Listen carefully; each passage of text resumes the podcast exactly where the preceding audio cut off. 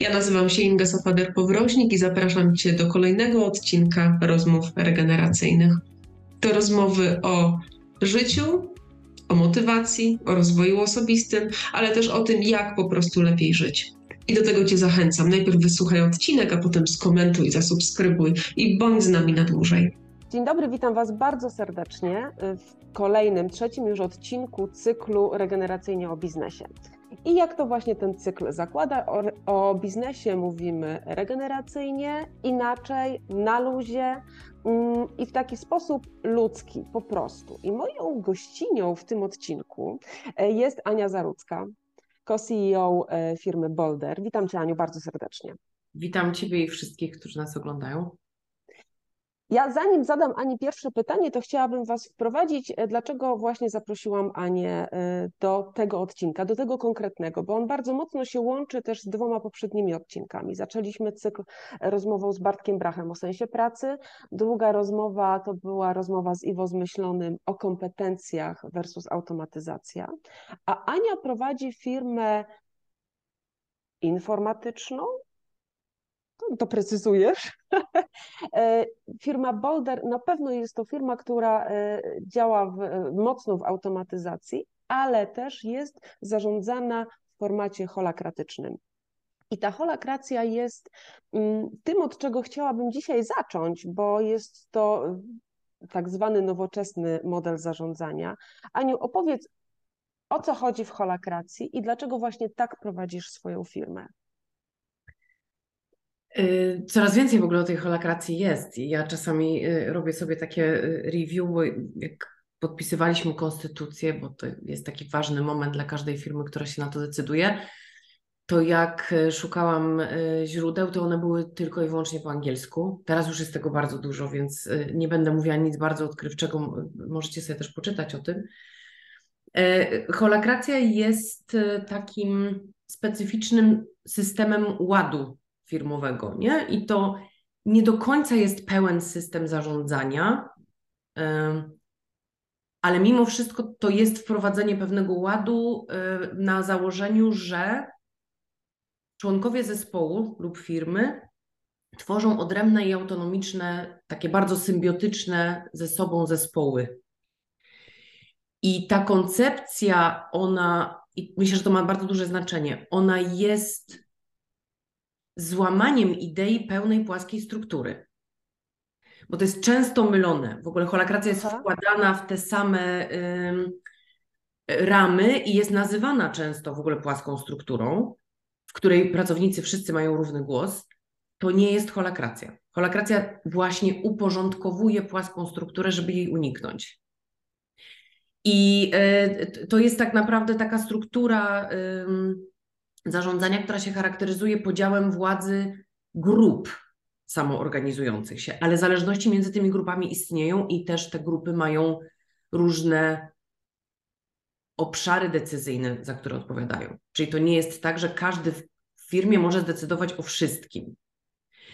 I e, różnica od klasycznej struktury jest taka, że nie ma odgórnego autorytetu osobowego w takim typowym modelu, ale jest coś, co nazywa się tak naprawdę zależnością hierarchiczną w pewnym sensie e, pomiędzy grupą a grupą.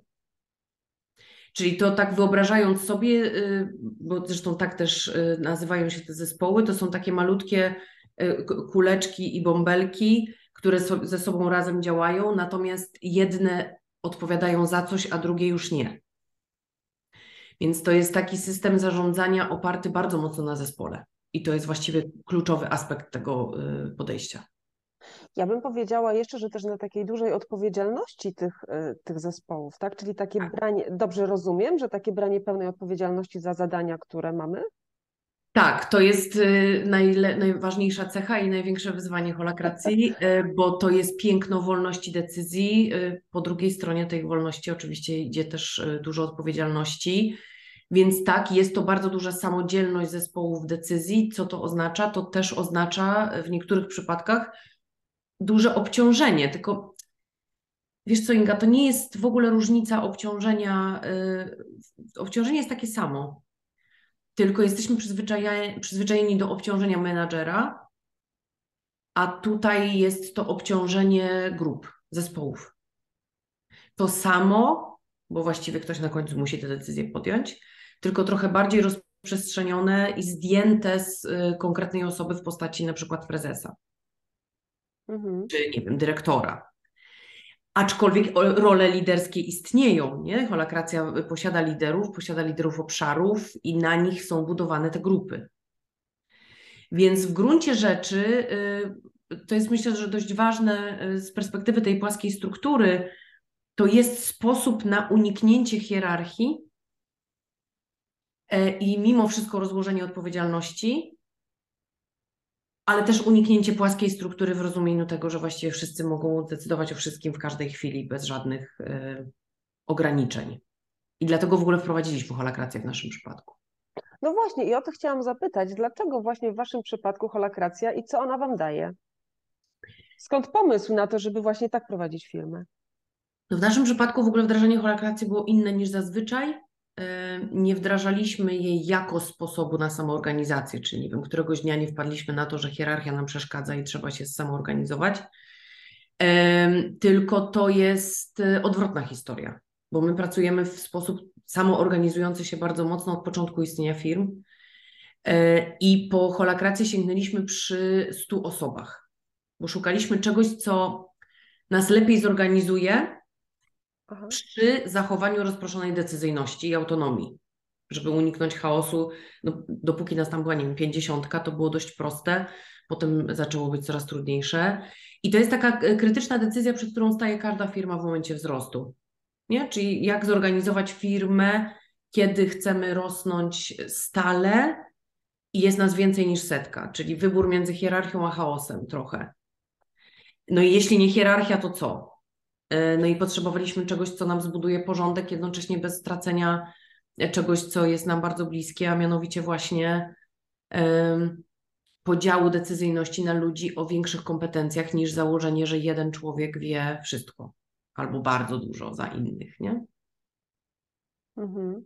Jak czytam opinie o Boulder, mm, to one są wręcz entuzjastyczne i wszyscy klienci, którzy. To zależy czyje, wiadomo. Te opinie, te opinie które, do których dotarłam, tak, one mówią o tym, że, że dajecie większą wartość niż tylko usługę, tak? I mm, co jest dla Was ważne w Boulder? Cieszę się, że mówisz o klientach, bo zazwyczaj jak ktoś mówi o opiniach o firmie, to y, mówi o opiniach pracowników, y, które są bardzo różne, nie jak w każdej firmie. Zresztą cokolwiek byśmy nie zrobili, one będą różne i to jest ok. Nasz wewnętrzny system, nasza kultura organizacyjna i styl zarządzania to jest rzecz wewnętrzna. To nie jest coś, co my klientom sprzedajemy. Ona oczywiście ma swoje głębokie uzasadnienie biznesowe. Nie? My działamy tak, y, nadal z powodów biznesowych. I dla naszego takiego ogólnego celu, budowania takiej bardzo głęboko zakorzenionej, wszechobecnej gotowości do zmian. I tak naprawdę to nam daje szansę bycia realnym partnerem dla naszych klientów, bo y, ich biznesy zmieniają się bardzo szybko. To są firmy, które w jakiś sposób zdecydowały albo dawno temu, albo teraz, że muszą szybko rosnąć albo się digitalizować przez co my, jako partner ich biznesowy, musimy im co najmniej nie przeszkadzać w tej zmienności, a jeszcze lepiej by było, gdybyśmy im pomagali i nie ciągnęli ich w dół. Więc jak oni przychodzą z potrzebami na przykład szybkiej digitalizacji, to nasza gotowość na zmienność i to, że na pewne rzeczy się nie czeka miesiącami, to jest coś, co oni dostają trochę w pakiecie do usługi budowania produktu cyfrowego, dostają zespół, który tak bardzo przyzwyczajony do pracy w dużej zmienności jest w stanie pomóc klientowi też, często to się zdarza, stać się na przykład bardziej zwinnym. I często te nasze usługi y, zaczynają się od budowania produktu, a kończą się na tym, że pomagamy klientom na przykład poukładać ich zespoły, czy procesy, czy rytuały nawet w zespołach, na rzecz tego, żeby te zespoły pracowały bardziej zwinnie. I to jest nasz po prostu biznesowy aset wtedy, nie? Więc poza uzasadnieniem e, takim filozoficznym, że e, bardzo wierzymy w to, że takie wiesz, podejście sprzed 100 lat do pracy jako takiej w ogóle samo w sobie już e, nie ma uzasadnienia bytu w ogóle, to mimo tego i tak te powody wdrażania tego typu pracy, one były bardzo biznesowe w naszym przypadku. Wiesz, to co mówisz, to ja słyszę e, takie podejście w zasadzie, to o czym rozmawialiśmy też z Iwo podczas rozmowy, że, że takie podejście do, do prowadzenia biznesu doradcze, bo, bo, bo jak mówisz, że zaczynacie od tworzenia produktu cyfrowego, a kończycie na doradzaniu klientowi w, obszarze, w obszarach zupełnie innych, wydawałoby się. I ta gotowość na taką y, zmienność, bo myślę, że to też jest wpisane w DNA holakracji, że, że jesteśmy cali, cały czas gotowi na zmianę i obserwujemy i reagujemy. E, co często, wiadomo, w dużych organizacjach wygląda zupełnie inaczej, nie? że te procedury i procesy są bardzo długie. Jak e, mówisz właśnie o tej takiej gotowości i jak myślę sobie o Twoim zespole, rzeczywiście zaczęłam od klientów, bo, bo, bo to jest taki wyznacznik tego, czym jest firma, bo, bo każda firma pracuje dla klientów i, i, i jak rzeczywiście to widać, że tworzycie te partnerskie relacje. A jakich kompetencji to wymaga od Twoich pracowników? Co ich wyróżnia? Ten system jest wymagający. Znaczy, nie sam system, co w ogóle filary, na których on stoi, jest wymagający bardzo specyficznego podejścia też w ogóle do tego, czym jest praca, ale też bardzo specyficznych kompetencji. Sama organizacja jako taka w ogóle stoi na, na takich filarach, których podstawowym filarem jest autonomia decyzyjności a drugim ewolucyjne uczenie się. I oba te aspekty wymagają niezwykłego, specyficznego przygotowania do podejmowania decyzji.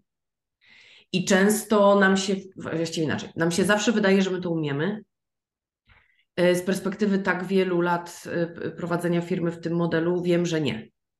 I sama wiem po sobie, jakie to było dla mnie trudne e, w tych momentach, kiedy te decyzje były już trochę bardziej kluczowe albo odważne.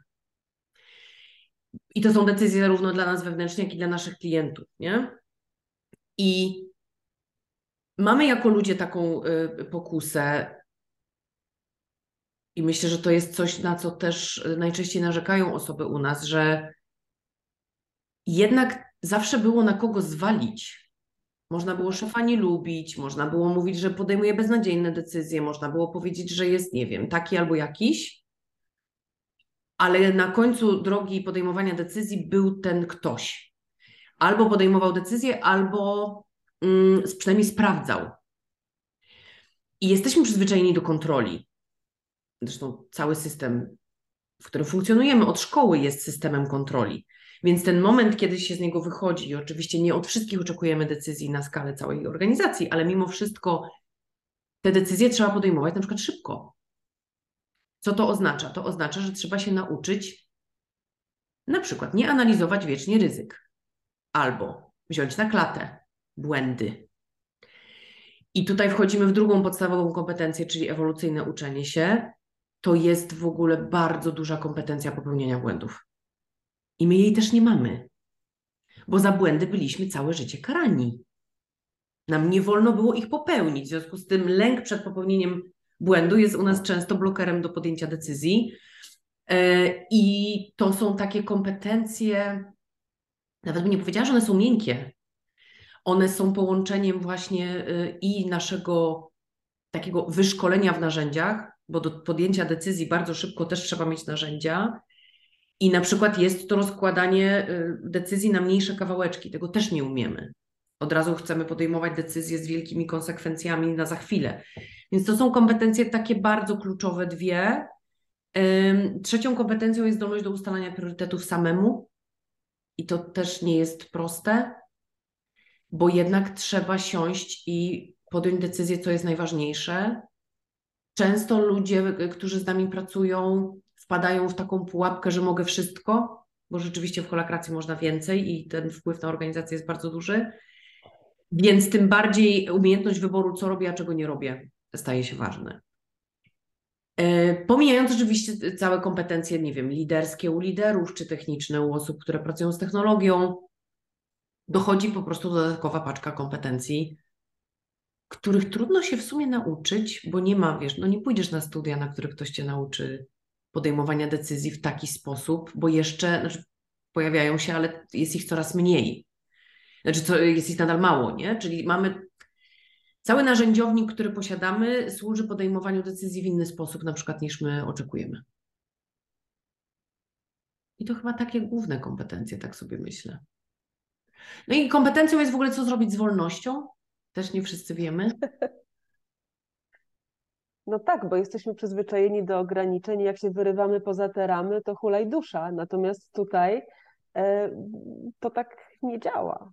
No nie działa. Co zrobić z wolnością, ale też na przykład co zrobić z brakiem, e, nie wiem, powerplayów, co z władzą. To są takie bardzo fundamentalne pytania. My sobie ostatnie lata bardzo często zadajemy, y, dyskutując o granicy samoorganizacji, to znaczy o tym momencie, kiedy widzimy, że ona jest bardzo wymagająca dla ludzi i przestaje im służyć, a zaczynają cierpieć.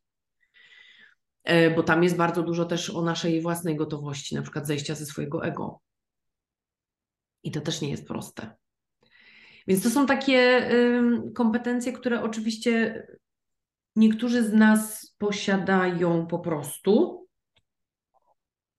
co więcej, mam wrażenie, że im bardziej e, rozwijamy się jako społeczeństwo teraz i jak patrzę trochę na te młodsze pokolenia, teraz będę mówić trochę jak stara baba, e, ale trochę tak jest, nie? Że, że już trochę tych pokoleń, znaczy trochę tych roczników, tych ludzi obok siebie e, przeżyłam, to jest chyba coraz łatwiej. I to, na co narzekają te wszystkie osoby po 40 i 50, że w tych nowych pokoleniach oni tam mają inaczej, to ja widzę bardzo dużo światełek w tunelu.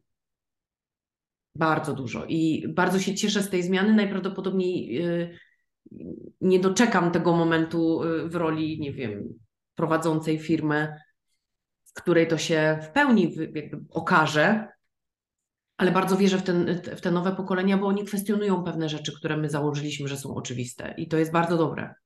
Bo rzeczywiście jedną z takich kompetencji, y, których my wymagamy zresztą przy rekrutacji, jest pewne kwestionowanie y, takich paradygmatów, do których się przyzwyczailiśmy.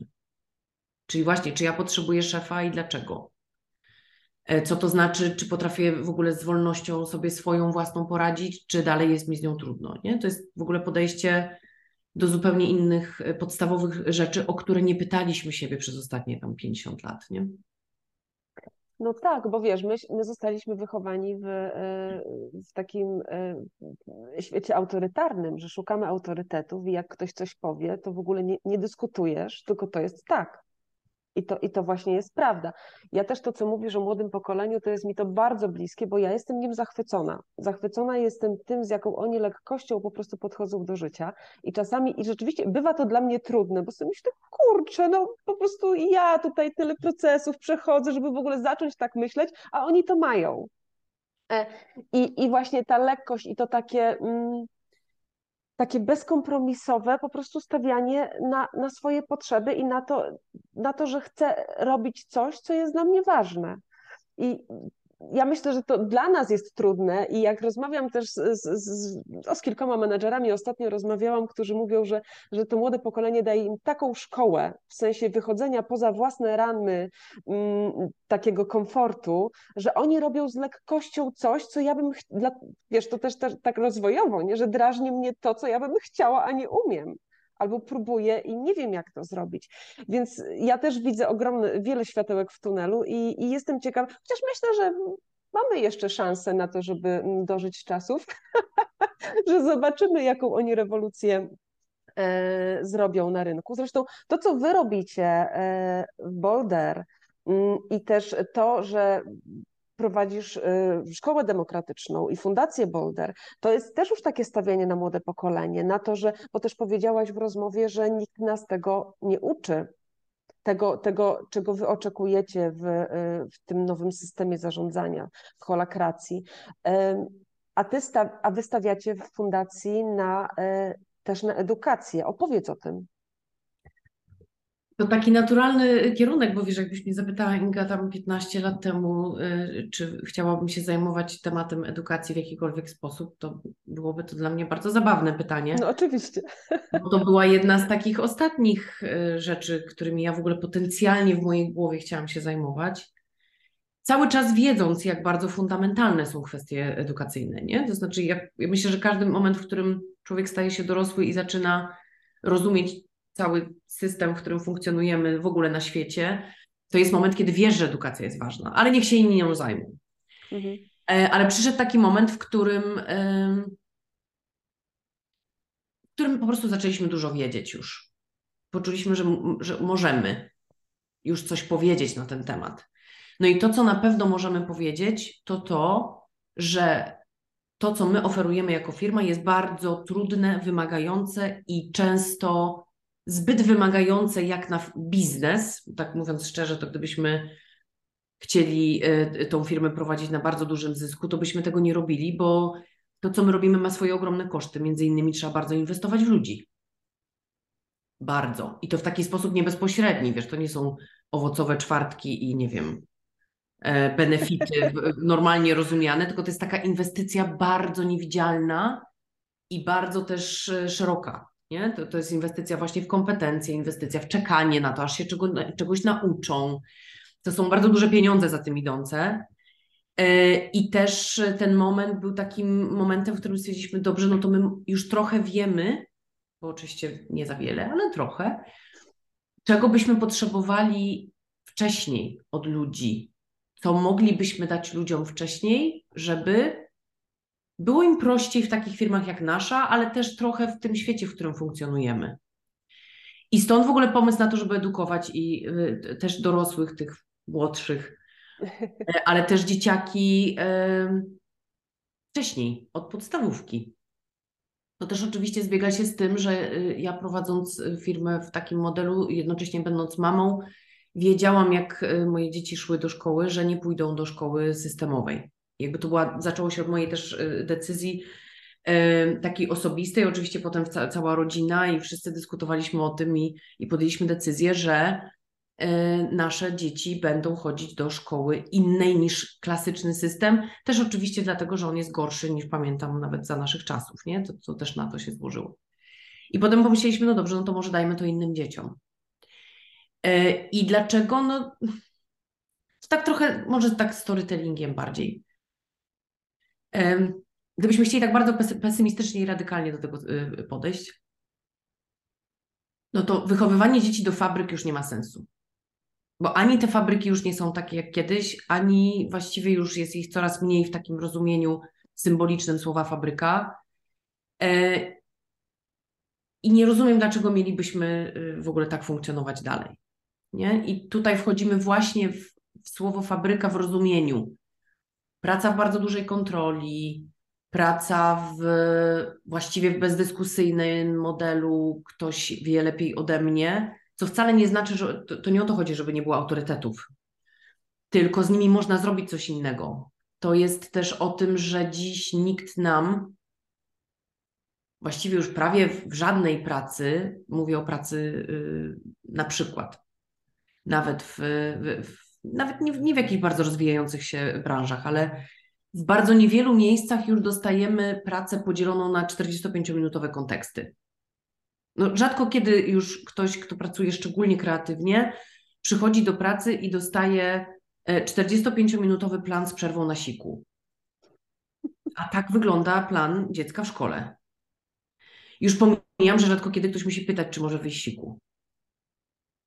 To są takie rzeczy, które y, zakładają, że z latami zabieramy dzieciom umiejętność podejmowania decyzji o, sam, o sobie samym, a potem zaczynamy tego oczekiwać nagle, jak przyjdą do roboty.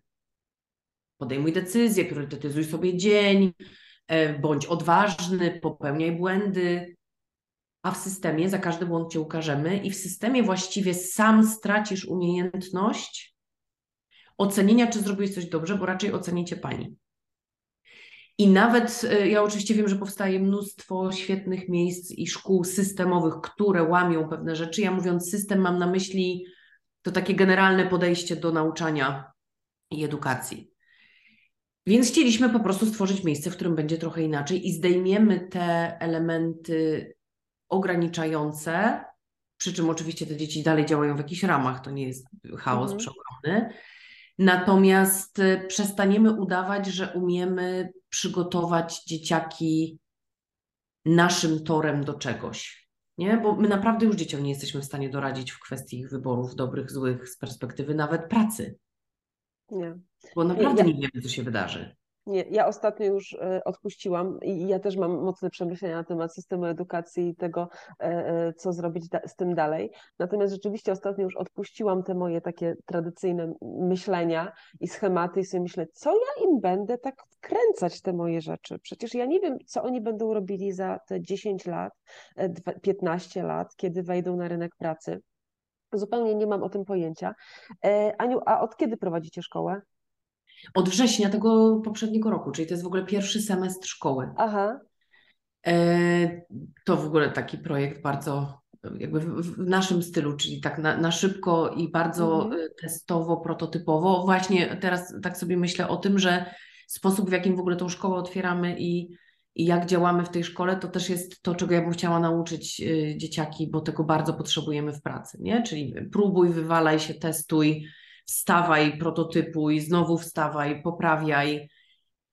I tak trochę tą szkołę, ona tak działa, nie? Bo to, mm -hmm, to jest -hmm. szkoła w ogóle w lesie jeszcze do tego, e, bo dla nas też bardzo ważna była kwestia tego, żeby dzieci były w naturze. To oczywiście nie jest wielka myśl związana z naszą pracą, ale to jest taka myśl bardziej e, o powrocie do natury i o tym, co ta natura daje dzieciakom z perspektywy też takiego psychologicznego bezpieczeństwa, nie? Jak dzieci w naturze w ogóle lepiej funkcjonują. E, jak e, lepiej współpracują, e, jak bardzo konflikty potrafią sobie same rozwiązywać, bo rzeczywiście to wiesz, dziesiątki badań i szkół leśnych na całym świecie, ale no robimy to nadal w taki sposób bardzo nowoczesny, nie? czyli mało Autorski. na starcie założeń, tak, znaczy to jest szkoła demokratyczna, ona sama w sobie ma zasady szkoły demokratycznej. To jest nazwa, która zobowiązuje do pewnego stylu działania. Te szkoły demokratyczne na świecie wszystkie funkcjonują na podstawowych zasadach tych samych. Mhm. Mogłaby być inna, mogłaby być szkołą autorską albo szkołą jakąś tam, natomiast zdecydowaliśmy się na szkołę demokratyczną. Ona jest najbliżej tego, co, w co bardzo wierzymy w pracy. Nie, czyli w taką demokrację rozumianą niepolitycznie, ale demokrację jako współdecydowanie w grupie na pewnych zasadach o, o tym, jak nam będzie i co będziemy robić na przykład, albo czego nie będziemy robić. Bo to jest mo mocno przypominające holakrację też, nie? Szkoła demokratyczna sama w sobie. Aniu, no to trzymam kciuki i ciekawa jestem, wiesz, pierwszych podsumowań po, po, po, kilku latach, bo to też pokazuje wtedy, jak wychodzą pierwsi absolwenci. Tak jak obserwuję też różne szkoły, to często tak jest, że zaczynamy coś nowego i potem obserwujemy, w jakim kierunku to idzie, ale brzmi wspaniale. E, chciałabym jeszcze wrócić na moment do, mm, do systemu, e, w którym pracujecie, czyli do holakracji, bo też pracując z różnymi firmami, e, zakładam, że nie pracujecie, nie współpracujecie tylko i wyłącznie z firmami zarządzanymi w jakiś nowoczesny sposób, tylko także po prostu z, z, z tradycyjnie zarządzanymi organizacjami. Mm, I tak z Twojej perspektywy, na ile holakracja bądź te nowoczesne metody zarządzania, z którymi się stykamy na co dzień, na ile one są adaptowalne e, dla dużych organizacji, dla korporacji? Jak myślisz, da się to przełożyć? Czego to wymaga od firm? E, to nie jest dla wszystkich. Jak, no nic nie ma na świecie mhm. takiego chyba, co byłoby dobre dla wszystkich. E, próby e, w pełni, takiego pełnego przejścia na holakrację dużej korporacji nie widziałam. To, co widziałam i to, co znam, to są na przykład działy, oddziały, jednostki korporacyjne, które z jakiegoś powodu postanawiają to zrobić. I zazwyczaj w tym systemie świetnie działają zespoły RD. W tym systemie y, bardzo dobrze działają właściwie wszelkie zespoły związane z innowacją albo wdrażaniem innowacji w korporacjach. Jest coraz więcej oczywiście tych korporacji, które próbują y, pracy w holakracji, chociaż ja bym powiedziała, że Najpierw następuje wybór, czy chcemy pracować w samoorganizacji, a potem jaką krację sobie do tego wybierzemy, to jest naprawdę drugorzędna sprawa. Mhm. I ten moment, kiedy decydujemy się na samoorganizację, to jest moment wymagający y, odpowiedzenia sobie na pytanie po co, bo jak nie ma po co i po prostu nam się podoba idea, to myślę, że to nie zadziała. E, jeśli nie ma uzasadnienia biznesowego, to też właściwie nie ma sensu. A później dopiero tak naprawdę y, obserwuję, że po na przykład latach różnych doświadczeń firmy decydują się na wybór jakiegoś systemu, czyli na przykład holakracji. I widziałam tyle samo, i oczywiście znamy się w gronie y, i liderów, i właścicieli firm, y, które próbują jakkolwiek się zmieniać w kierunku samoorganizacji, i porażek jest tyle samo co sukcesu. I tutaj można by było pewnie godzinami rozmawiać z jakich powodów. Mm, więc zdecydowanie nie jest to dla wszystkich, i ja w ogóle jestem daleka od tego, żeby powiedzieć, że wszyscy muszą tak pracować. E, na pewno powiedziałabym o tym, że jeśli rzeczywiście kompetencje ludzi są bardzo istotnym aspektem funkcjonowania firmy, ale tak naprawdę bardzo istotnym, nie chodzi o kompetencje wyłącznie związane z twardymi umiejętnościami, to wtedy warto się zastanowić, czy sama organizacja nie jest sposobem na uwolnienie pewnego potencjału, e, a nie zamykanie potencjału w gronie, nie wiem, 30 liderów na przykład, czy menadżerów. I bardziej bym szła od celów, a nie od rodzajów firm. Nie? Czyli trudno jest mi mhm. powiedzieć, do jakich firm to pasuje. Dużych, bardzo dużych korporacji, które się zmieniły w całości, nie znam. Ale znam takie, w których już bardzo duże części działają w samoorganizacji, niektóre nawet w holakracji, a niektóre na przykład z niej zrezygnowały na rzecz trochę takich swoich własnych, rzeźbionych z różnych pomysłów systemów. Wiesz, ja e, tak jak Cię słucham, to chciałabym zwrócić uwagę na to, że to, to, co mówisz, że to nie jest dla wszystkich, ale myślę, że wymaga to takiej dużej dojrzałości liderów właśnie e, i takiego rozejrzenia się dokoła, co do nas pasuje, nie? Że, że tutaj w moim poczuciu to są systemy te samoorganizujące się, które wyzwalają bardzo mocno kreatywność, a kreatywni jesteśmy Podobno każdy może być kreatywny, tylko trzeba mu stworzyć odpowiednie warunki do tego. E, więc, e, więc ja zachęcam na pewno wszystkich e, tych, którzy szukają najlepszych rozwiązań dla swoich organizacji, dla swoich firm, do takiego porozglądania się, prawda? Mm, a jeszcze tak chciałam Cię zapytać, a co Tobie daje największą radość w tym, co robisz i jak pracujesz? Wiesz co, y, ja kocham zmienność i właśnie chyba powiedziałaś o jednej rzeczy, która jest bardzo wymagana od osób, które chcą w ogóle ciągnąć jakąkolwiek zmianę, czy, y, czy, czy nie wiem, uczestniczyć w niej bardzo głęboko.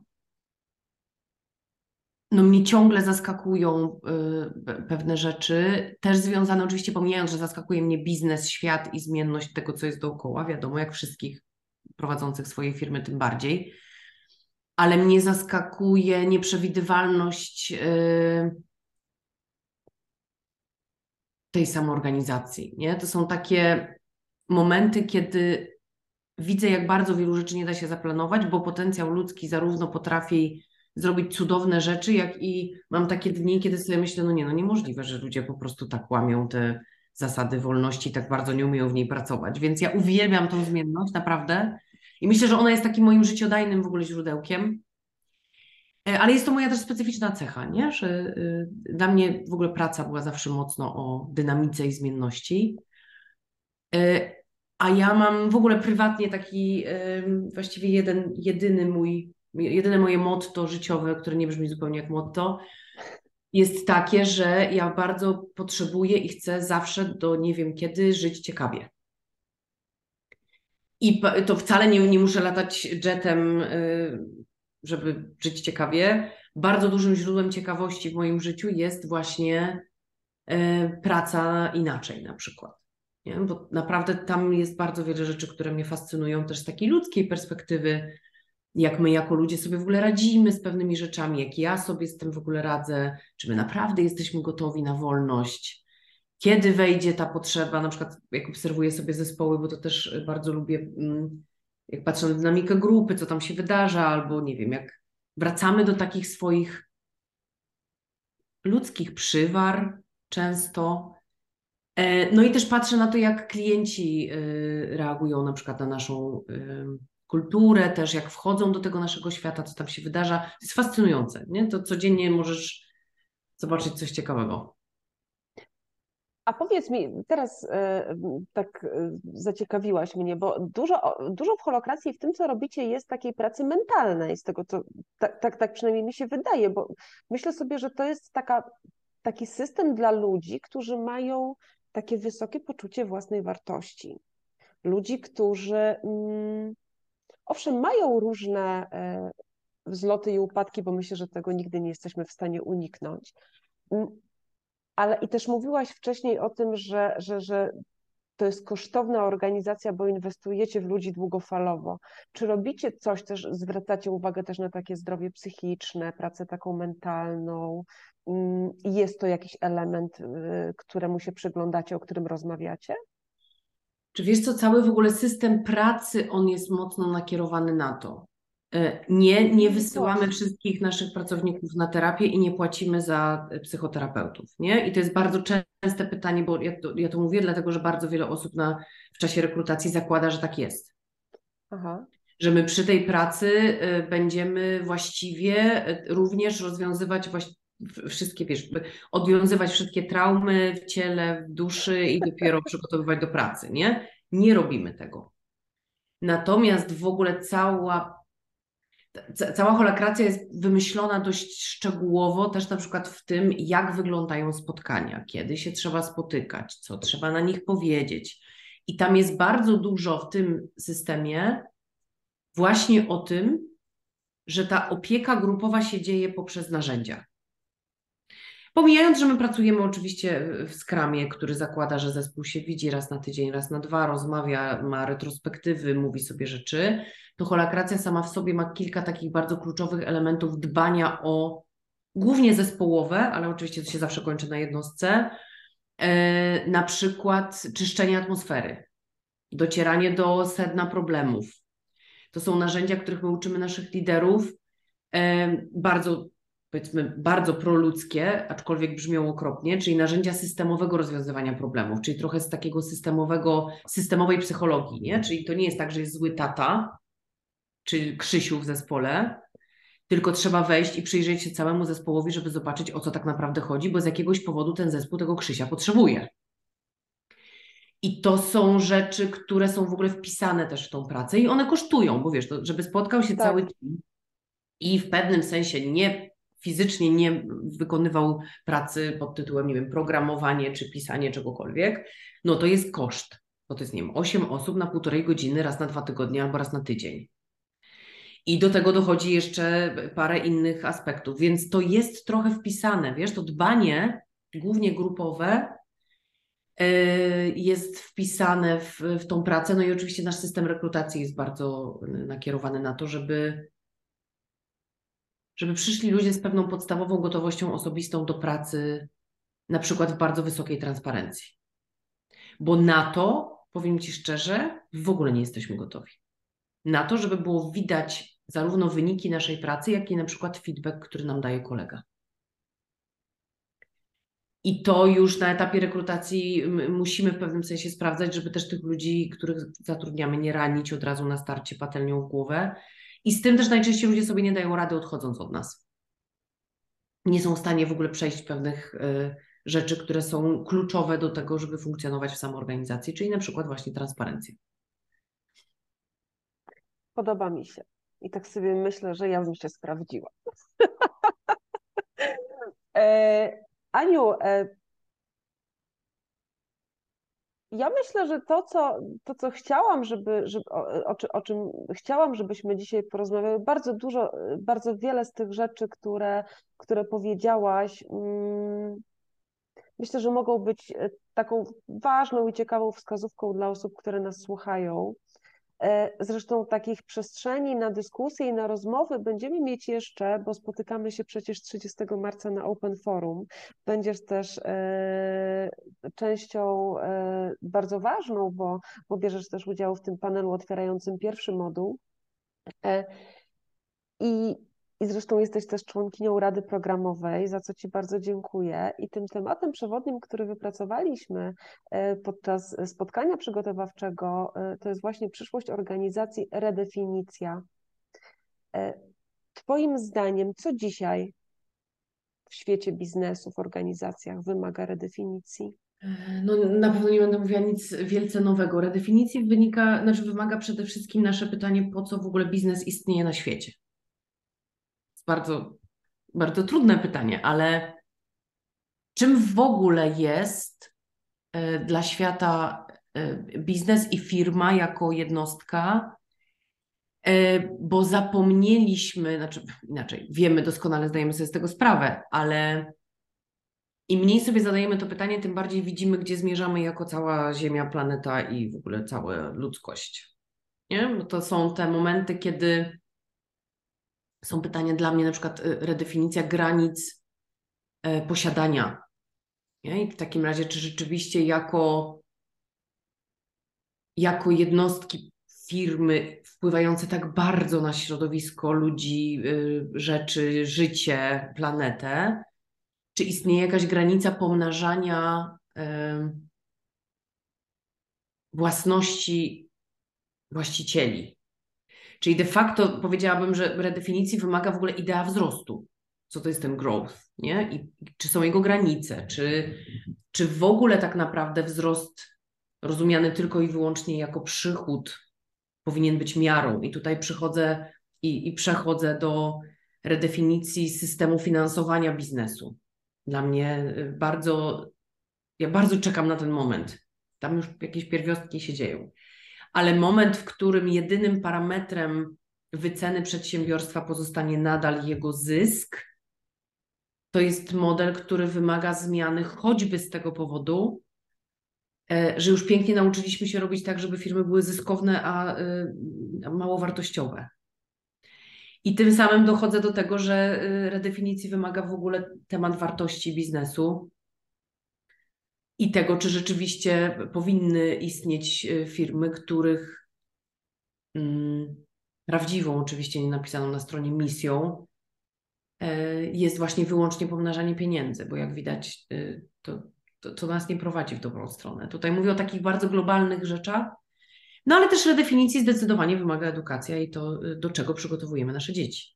Po prostu. Do jakiego rynku pracy i czy rzeczywiście w ogóle do jakiegokolwiek rynku pracy przygotowujemy nasze dzieci, czy nie powinniśmy zacząć myśleć o przygotowywaniu dzieci do życia, a nie do rynku pracy. Nie? Tutaj mówię na przykład o fantastycznej, po prostu cudownej idei rankingów, których nienawidzę. Nie? Jest, ja w ogóle nie wiem, jak to zatrzymać, i jak e, zaczynasz sobie w ogóle czytać o edukacji e, i o tym, dlaczego byli pewni ludzie na świecie i zawsze będą, którzy postanawiają jednak ją łamać, i zaczynasz czytać o systemie edukacji na przykład amerykańskiej, no to tak naprawdę to wszystko się opiera na rankingach, które dzisiaj już właściwie nie wiadomo, co znaczą, nie? Tak, więc w ogóle jakbym miała coś redefiniować na starcie, to bym tak zredefiniowała edukację zdecydowanie szef wymaga redefinicji w ogóle, po co nim jesteśmy też. I do czego on jest, jest nam potrzebny w organizacjach wszelakich. Pracownik też tym samym, nie? To wiesz co, ja tak mam dużo bardzo tego. Dużo. Wiesz, to, tak, redefiniowałabym ja się... dużo. Absolutnie się z Tobą zgadzam, że nie da się tego zamknąć na pewno w jednym zdaniu i w jednej potrzebie, bo to jest taka całościowa redefinicja. E, to, o czym powiedziałaś, e, właśnie to, że, że redefinicji wymaga e, ta przyszłość biznesu i to, po co te, ten biznes istnieje, o tym będziemy mówić w drugim module i, to, i tam rzeczywiście taki moduł jest zaplanowany. Ja bardzo się cieszę, że też jest tyle wątków, a swoją drogą edukacja to jest w ogóle moje marzenie, żeby zrobić kiedyś open forum tylko o edukacji. Więc otwieram, otwieram drzwi y, do, y, do wszechświata, żeby to kiedyś się wydarzyło. E, natomiast mm, cieszę się, że mówisz o tym, że nie ma jednego, jednego właściwego, jednej właściwej odpowiedzi, jednego wątku. E, dlatego że chcę tą rozmową zaprosić właśnie wszystkich słuchaczy i też tych, którzy nas słuchają, tych, którzy chcą się otworzyć na to, co w przyszłości, właśnie do, do rozmowy, do kwestionowania, do zadawania pytań, e, do dyskusji i do dzielenia się na równi, bez rankingów, swoją wiedzą i doświadczeniem, bo każdy z nas w jakimś stopniu jest ekspertem, szczególnie jeżeli spotkamy się w takim gronie liderskim, bo, bo dla takich osób jest też Open Forum. E, to jest naprawdę ogromna przestrzeń do tworzenia przyszłości. Bardzo Ci dziękuję za tą rozmowę. Ja również bardzo Ci dziękuję. Szybko y, zleciała, bardzo przyjemnie. No tak zlatuje ten czas, jak się, jak się mówi o inspirujących rzeczach, a to rzeczywiście mm, no, jest, jest w biznesie i w życiu i w dzisiejszych czasach tyle wątków. Ja w ogóle uważam, że żyjemy we wspaniałym czasie, który, który nam pozwala na to, że mamy retrospekcję na to, co było i mamy naprawdę dużą otwartość na to, co będzie i nie mamy pojęcia, co będzie. Dziękuję Ci bardzo. Y, ja się bardzo cieszę, że nie wiem, co będzie. To jest jedna z rzeczy, która powoduje, że jest bardzo ciekawie wokół nas. Niech to będzie y, motto i zostawmy słuchaczy właśnie z tym nie wiem i z ciekawością na to, co może być. Dziękuję bardzo. Dzięki. Zapraszam Cię gorąco do udziału w Open Forum. Open Forum to wydarzenie dla liderów, przedsiębiorców i liderów HR oraz naukowców i ludzi, dla których ważne jest to, żeby wiedzieć, co dzieje się w dzisiejszym świecie. Temat przewodni: przyszłość organizacji, redefinicja. Spotykamy się 30 marca w Warszawie Bilety do kupienia na stronie openforum.com.pl. Zapraszam Cię gorąco. To wydarzenie dyskusyjne, gdzie każdy uczestnik będzie brał udział w dyskusjach, w rozmowach i bezpośrednio będzie mógł podzielić się swoją wiedzą i doświadczeniem, ale też czerpać z wiedzy ekspertów, praktyków, specjalistów i ludzi, którzy znajdą się w tym samym miejscu. Przyszłość zaczyna się dziś i to dziś jest moment na to, żeby się zatrzymać, zadać sobie pytania, i poszukać na nie odpowiedzi, by tworzyć lepsze jutro.